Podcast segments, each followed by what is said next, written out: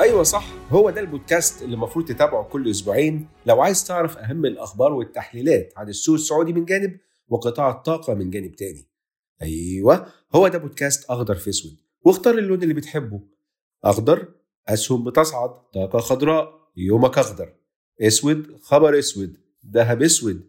يومك برضو أخضر. وأنت بتسمع البودكاست عايزك تركز مع الموسيقى اللي في الخلفية. وحاول تعرف كم مرة كانت خضراء وكم مرة كانت سوداء ويلا خلونا نعد قصدي نبتدي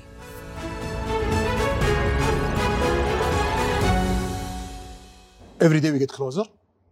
It seems it's for the first time uh, real one, serious. We're gonna see how it goes. ده صوت ولي العهد السعودي ورئيس الوزراء الأمير محمد بن سلمان في حوار خاص مع قناة فوكس نيوز الأمريكية آخر سبتمبر اللي فات في جزيرة سنداله إحدى جزر نيوم وده كان رده على سؤال حوالين التطبيع مع دولة إسرائيل. ولي العهد قال إن المملكة بتأمل في تحسين حياة الفلسطينيين وجعل إسرائيل لاعبا في المنطقة. وقال كل يوم نقترب أكثر. وقال كمان إنه عايز يشوف حياة جيدة للفلسطينيين. بس هل الهجوم اللي شنته حماس صباح يوم السبت 7 أكتوبر على الإسرائيليين هيكون ليه تأثير سلبي في موضوع التطبيع مع دولة إسرائيل؟ ده اللي لسه الأيام هتبينه بس المرة دي هنتكلم عن أربع مواضيع. اولا الاقتصاد السعودي وأهم المؤشرات اللي صدرت مؤخرا. ثانيا أداء سوق الأسهم السعودية من بداية السنة وبعض قصص الاستحواذات والطروحات. ثالثا سوق النفط وآخر التطورات فيه.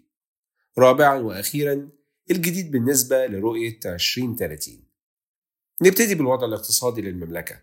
اللي حسب صندوق النقد الدولي أصبح أقوى وخصوصا على المدى القريب بفضل رؤية 2030 بالفعل المملكة العربية السعودية كانت أسرع الاقتصادات نموا بين دول مجموعة العشرين في عام 2022 ده غير أن المملكة عندها احتياطيات احترازية كافية وأن ربط الريال السعودي بالدولار الأمريكي بيخدم اقتصاد المملكة بشكل جيد. الصندوق بيتوقع أن الناتج المحلي الإجمالي غير النفطي للمملكة هينمو بنسبة 4.9% السنة دي مدعوما بالإنفاق الإستهلاكي القوي. لكن على مستوى اقتصاد المملكة ككل بشقيه النفطي وغير النفطي فالبنك الدولي بيتوقع في أحدث إصداراته أنه ينكمش بنسبة طفيفة وهي فاصل 9% السنة دي بسبب انخفاض الأنشطة النفطية مع انخفاض إنتاج وأسعار النفط. لكن في نفس الوقت بيتوقع أن الاقتصاد يعود مرة تانية للنمو ويحقق 4.1% في عام 2024 وإن كان لا يزال أقل من معدل النمو في عام 2022 واللي كان بلغ 8.7% توقعات البنك الدولي برضو بتشير لأن المملكة هتحقق عجز في الموازنة هيوصل ل 1.5% السنة دي من الناتج المحلي الإجمالي وفاصل 1% السنة الجاية كمان. لو بصينا على آخر البيانات الاقتصادية للربع الثاني من 2023 هنلاقي إن الناتج المحلي الإجمالي الحقيقي للمملكة ارتفع بنسبة 1.2% على أساس سنوي نتيجة ارتفاع الأنشطة غير النفطية بنسبة 6.1% واللي غطت على انخفاض الأنشطة النفطية ب 4.3%. المعدلات دي جت بعد تحقيق معدل نمو قوي في الربع الأول من 2023 لما الناتج المحلي الإجمالي ارتفع بنسبة 3.9% على أساس سنوي وكان برضه مدفوع بأداء الأنشطة غير النفطية. وخلال النصف الأول من 2023 ميزانية المملكة سجلت عجز مالي بحوالي 8.2 مليار ريال. نتيجة مصروفات ب 604 مليار ريال قصاد إيرادات ب 596 مليار ريال بس. وده كان نتيجة انخفاض الإيرادات النفطية بنسبة 17% على أساس سنوي. ل 358 مليار ريال. أما بالنسبة لسوق العمل فمعدل البطالة بين السعوديين انخفض من 8.5% في الربع الأول ل 8.3% في الربع الثاني من 2023 بعد تراجع معدل البطالة بين الإناث من 16.1% ل 15.7% في حين استقر معدل البطالة بين الذكور عند 4.6% ده بيوضح نتيجة مجهودات المملكة واللي ابتدت من سنين في سعودة الوظائف في مختلف القطاعات بشكل تدريجي بهدف زيادة نسبة السعوديين في سوق العمل واللي بيستحوذ الأجانب فيه على نسبة مرتفعة. ومؤخرا أعلن صندوق تنمية الموارد البشرية هدف عن تغييرات كبيرة في رواتب بعض الموظفين في القطاع الخاص وقال إن الحد الأدنى لأجور المواطنين العاملين في القطاع الخاص واللي بيتم الدعم أجورهم في إطار برامج هدف هيرتفع من 3200 ريال ل 4000 ريال. أما مؤشر مدير المشتريات في المملكة فسجل ارتفاع ل 57.2 في سبتمبر مقارنة ب 56.6 في أغسطس وده نتيجة تحسن النشاط التجاري والأعمال الجديدة بدرجة أقوى على أساس شهري. لكن من وجهة نظر المملكة نفسها الصورة مختلفة بعض الشيء. السعودية كانت حققت فائض في ميزانية العام المالي 2022 وصل ل 2.5% من الناتج المحلي الإجمالي. لكن حسب البيان التمهيدي لميزانية العام المالي 2024 اللي هو السنة الجاية واللي أعلنته وزارة المالية السعودية مؤخرا النفقات متوقع توصل لتريليون و251 مليار ريال عشان تفوق الإيرادات اللي متوقع توصل لتريليون و172 مليار ريال. وبكده الوزارة بتتوقع تسجيل عجز يبلغ 79 مليار ريال أو 1.9% من الناتج المحلي الإجمالي في 2024 ولكنه أقل من العجز المتوقع في 2023 السنة دي عند 82 مليار ريال أو 2% من الناتج المحلي الإجمالي وده نتيجة التوجه اللي بتتبناه الحكومة السعودية في إنها بتبني تقديرات الإيرادات النفطية وغير النفطية في الميزانية بناء على معايير متحفظة تحسبا لأي تطورات ممكن تطرأ على الاقتصاد المحلي والعالمي. ولتمويل العجز المتوقع وزارة المالية والمركز الوطني لإدارة الدين بيعدوا خطة سنوية للاقتراض وفقا لاستراتيجية الدين متوسطة المدى واللي بتهدف للحفاظ على استدامة الدين وتنويع مصادر التمويل ما بين محلية وخارجية مع الوصول لأسواق الدين العالمية لتعزيز مكانة المملكة في الأسواق الدولية. ومؤخرا وكالة فيتش للتصنيف الائتماني كانت رفعت تصنيف المملكة من A ل A مع نظرة مستقبلية مستقرة. ومن جانبها وكالة موديز أكدت على تصنيفها للمملكة عند A1 مع تعديل النظرة المستقبلية من مستقرة إلى إيجابية. وده نتيجة استمرار جهود الحكومة في تطوير السياسة المالية والإصلاحات الهيكلية اللي بتدعم النمو والتنوع الاقتصادي على المديين المتوسط والطويل. مع تبني سياسات مالية بتساهم في الحفاظ على الاستدامة المالية ورفع جودة التخطيط المالي وفي نفس الوقت الإبقاء على مستويات الدين عند معدلات تعتبر منخفضة مقارنة بالدول المثيلة من حيث التصنيف الائتماني السيادي. وبمناسبة الدول المثيلة خلاص تم الاتفاق إنه بداية من 1 يناير 2024 سيتم انضمام المملكة العربية السعودية وخمس دول أخرى لتكتل بريكس.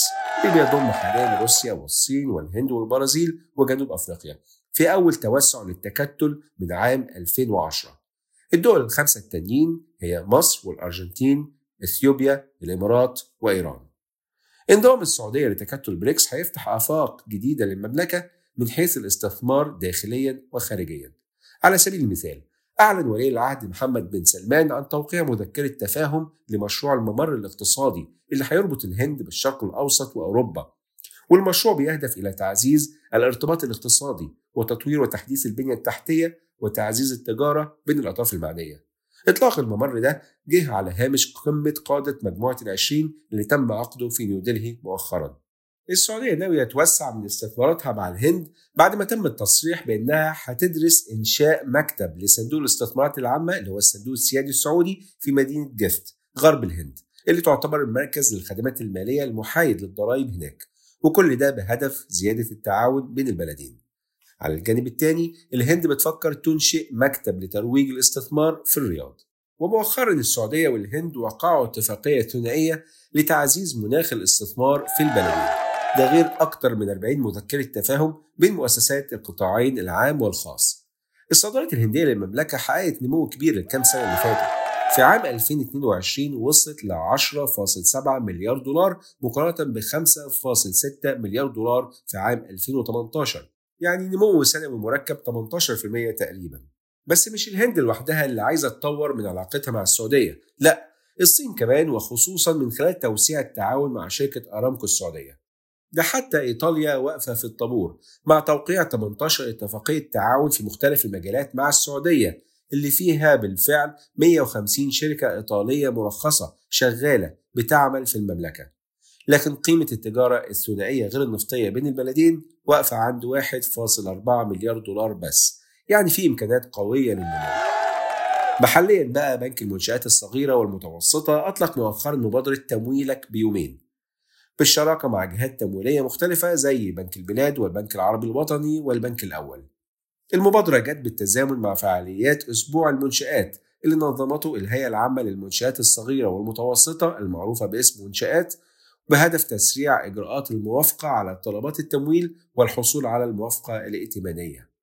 وبمناسبة المنشآت الصغيرة والمتوسطة، مؤشر ثقة الشركات الصغيرة والمتوسطة في أوروبا الشرقية والشرق الأوسط وإفريقيا الصادر من ماستر كارد في إصداره الثاني كشف عن تفاؤل الشركات الصغيرة والمتوسطة في المملكة من ناحية توقعات الإيرادات لعام 2023 وخصوصا بعد نجاحها في مواجهة ظروف صعبة كتيرة اتفرضت عليها بعد جائحة كوفيد-19 الإصدار الأول من المؤشر لعام 2021 كان يتناول تأثير الجائحة على أعمال الشركات الصغيرة والمتوسطة والجهود اللي بتبذلها لمواكبة المستقبل الرقمي. أما الإصدار الثاني من المؤشر فكشف عن ارتفاع ثقة الشركات الصغيرة والمتوسطة في المملكة من ناحية نمو الأعمال.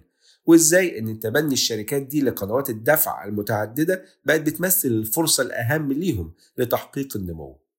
المؤشر باين إن 93% من الشركات الصغيرة والمتوسطة في السعودية عندها تفاؤل بخصوص نمو الأعمال السنة دي مقارنة ب 2022. مش بس كده، لا دي الشركات الصغيرة والمتوسطة في السعودية هي الأكثر تفاؤلا في منطقة الشرق الأوسط وشمال أفريقيا. يجي بعدها قطر والإمارات. ونروح للبورصة السعودية والاستثمار. مؤشر السوق السعودي أنهى أول تسعة شهور من عام 2023 مرتفعا بنسبة 5.5% بعد ما كان وصل لارتفاع 13.6% من بداية السنة خلال آخر أسبوع في يوليو اللي فات. يعني المؤشر انخفض بحوالي 7% من ساعتها لآخر سبتمبر. حتى نهاية سبتمبر 2023 السوق السعودي شهد ست طروحات عامة أولية من خلال السوق الرئيسي و18 طرح من خلال سوق النمو.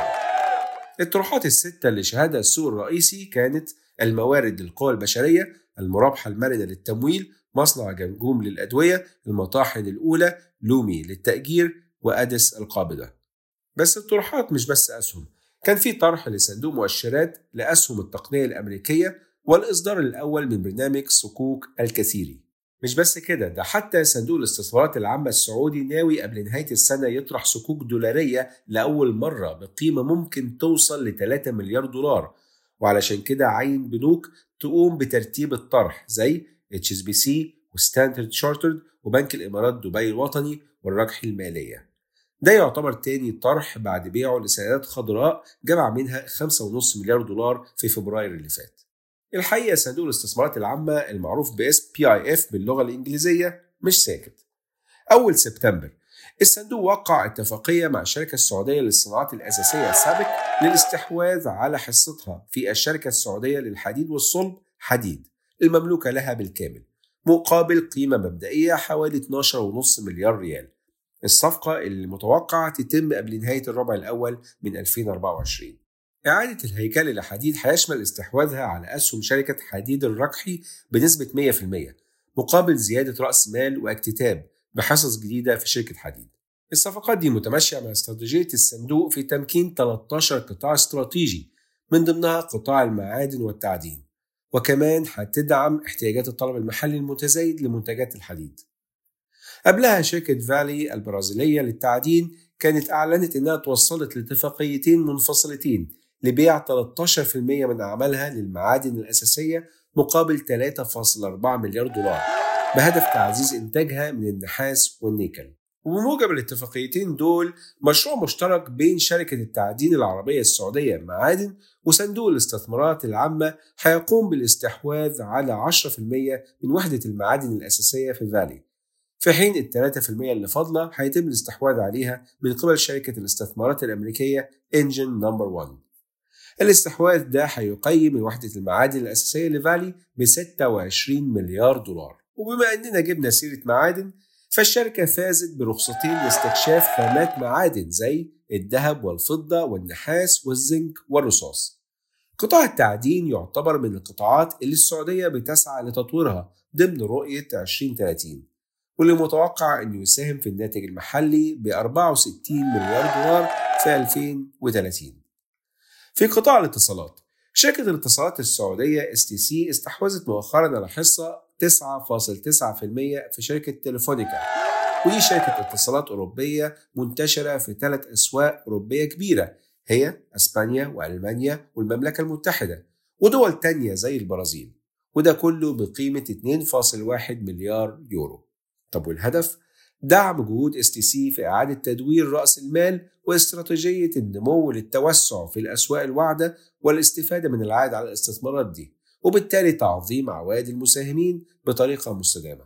وعلى جانب تاني شركة أرامكو السعودية بتدرس بيع حصة بقيمة 50 مليار دولار من خلال طرح أسهم ثانوي في البورصة السعودية بعد ما تتشاور مع مستشارينها. عملية البيع دي ممكن تتم قبل نهاية السنة دي المملكة كانت قررت إنها تستقبل أي طرح جديد لأرامكو في البورصة السعودية لتجنب المخاطر القانونية المرتبطة بالإدراج الدولي. عائدات الطرح هيتم استخدامها لدعم صندوق الاستثمارات العامة. ومن ناحية تانية السوق السعودية تداول رحبت بتعيين شركة الأهلي المالية كصانع سوق لشركة أرامكو السعودية واللي بصفتها هتوفر أوامر الشراء والبيع لأسهم أرامكو السعودية المتداولة في تداول السعودية لضمان توفر السيولة وتعزيز نشاط التداول وزيادة إقبال المستثمرين وتماشيا مع توطيد العلاقات المالية بين السعودية والصين تداول السعودية من جانب وبورصة شنشن من جانب تاني داخلين في محادثات للسماح بتبادل إدراج صناديق مؤشرات متداولة في كل سوق من خلال برنامج اسمه ETF Connect اللي تم من خلاله قبل كده إطلاق مشروعات مع بورصات خارجية في هونج كونج واليابان وكوريا الجنوبية وسنغافورة. من ناحية السعودية سوق صناديق المؤشرات المتداولة يعتبر ناشئ نسبيا مع وجود 8 منتجات بس مدرجة في البورصة. أما في الإمارات فشركة شعاع Capital أعلنت عن إطلاق صندوق جديد متوافق مع الشريعة الإسلامية وفق هيكلية شركات الخلايا المدمجة هتقوم بإدارته شركة شعاع GMC المحدودة والتابعة والمملوكة لها بالكامل. صندوق شعاع للأسهم السعودية الجديد بيهدف للاستفادة من الإمكانات المتنامية للأسهم السعودية والخليجية وتوفير موابع استراتيجية للاستثمار في السوق السعودي اللي بيشهد نمو متسارع لكنه هيستثمر بشكل أساسي في الأسهم المتوافقة مع الشريعة الإسلامية في السعودية. إلى جانب بعض الاستثمارات المخصصة في باقي دول مجلس التعاون الخليجي. وعلى جانب الحوكمة شركة هيدريك أند ستراجلز أطلقت الإصدار الثاني من تقرير مراقبة مجالس الإدارة في السعودية اللي كشف عن 50 تعيينات جديدة في مجالس إدارة الشركات السعودية خلال عام 2022 وده بانخفاض بسيط عن عام 2021 اللي كان شهد 53 تعيين. التقرير أشار لانخفاض عدد المواطنين السعوديين المعينين في عضويات مجلس الإدارة من 90% ل 84% في حين نسبة تعيينات النساء شهدت زيادة بسيطة من 8% ل 10% ونروح لسوق النفط. بعد ما سعر خام برنت ارتفع ب 14% لأعلى سعر خلال العام قرب ال 98 دولار للبرميل الواحد رجع تاني وانخفض مؤخرا. طب ارتفع ليه؟ وانخفض ليه؟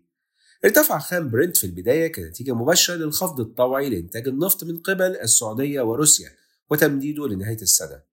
لكنه رجع وانخفض تاني مع ظهور تخوفات من تباطؤ في الاقتصاد العالمي نتيجة ارتفاع سعر النفط.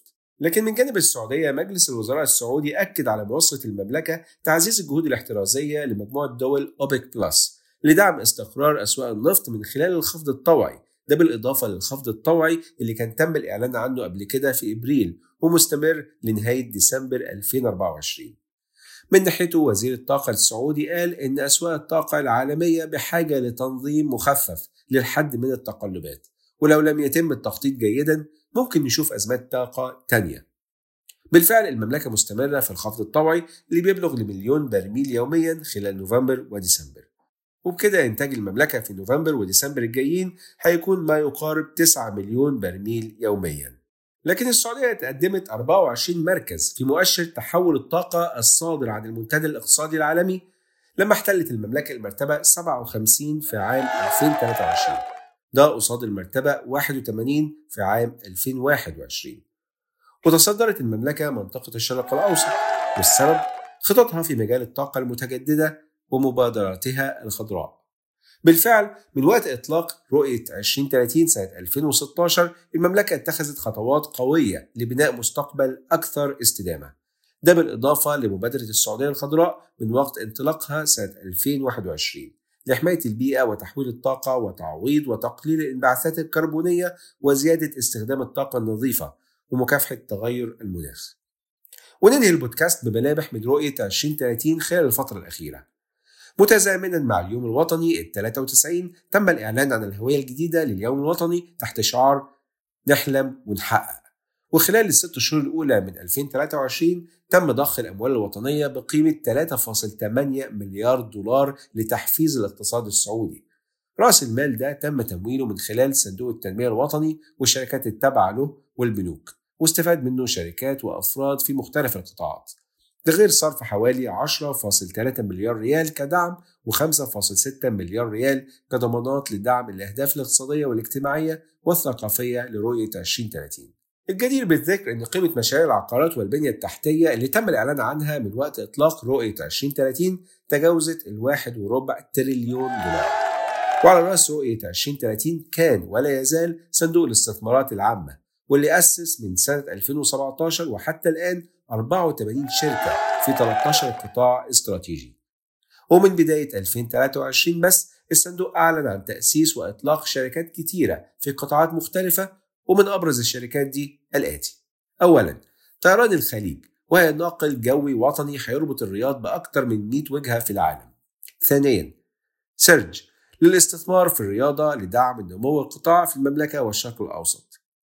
ثالثا أصفار للاستثمار في السياحة المحلية وتطوير مشاريع ووجهات سياحية في المملكة والمساهمة في تحقيق مستهدف رؤية المملكة للوصول ل 100 مليون زائر بحلول عام 2030 رابعا تطوير المربع الجديد لتطوير أكبر داون تاون حديث عالميا في الرياض. خامسا ثواني لدعم النمو قطاع منتجات حليب الإبل في المملكة. سادسا تراث المدينة لتطوير ورفع قيمة منتجات تمور العجوة المحلية. سابعا السعودية لإدارة المرافق لتحفيز نمو مستدام في قطاع إدارة المرافق المحلية بالمملكة. ثامنا كياني لدعم نمط حياة صحي للمرأة وتقديم خدمات اللياقة البدنية والعناية الشخصية والأكل الصحي. تاسعا بدائل لتقديم بدائل للمدخنين للحد من انتشار التدخين في المملكة. وعاشرا تطوير البلد وهو المطور الرئيسي للمنطقة التاريخية بمدينة جدة منطقة البلد لتحويلها لمركز اقتصادي ووجهة ثقافية وتراثية.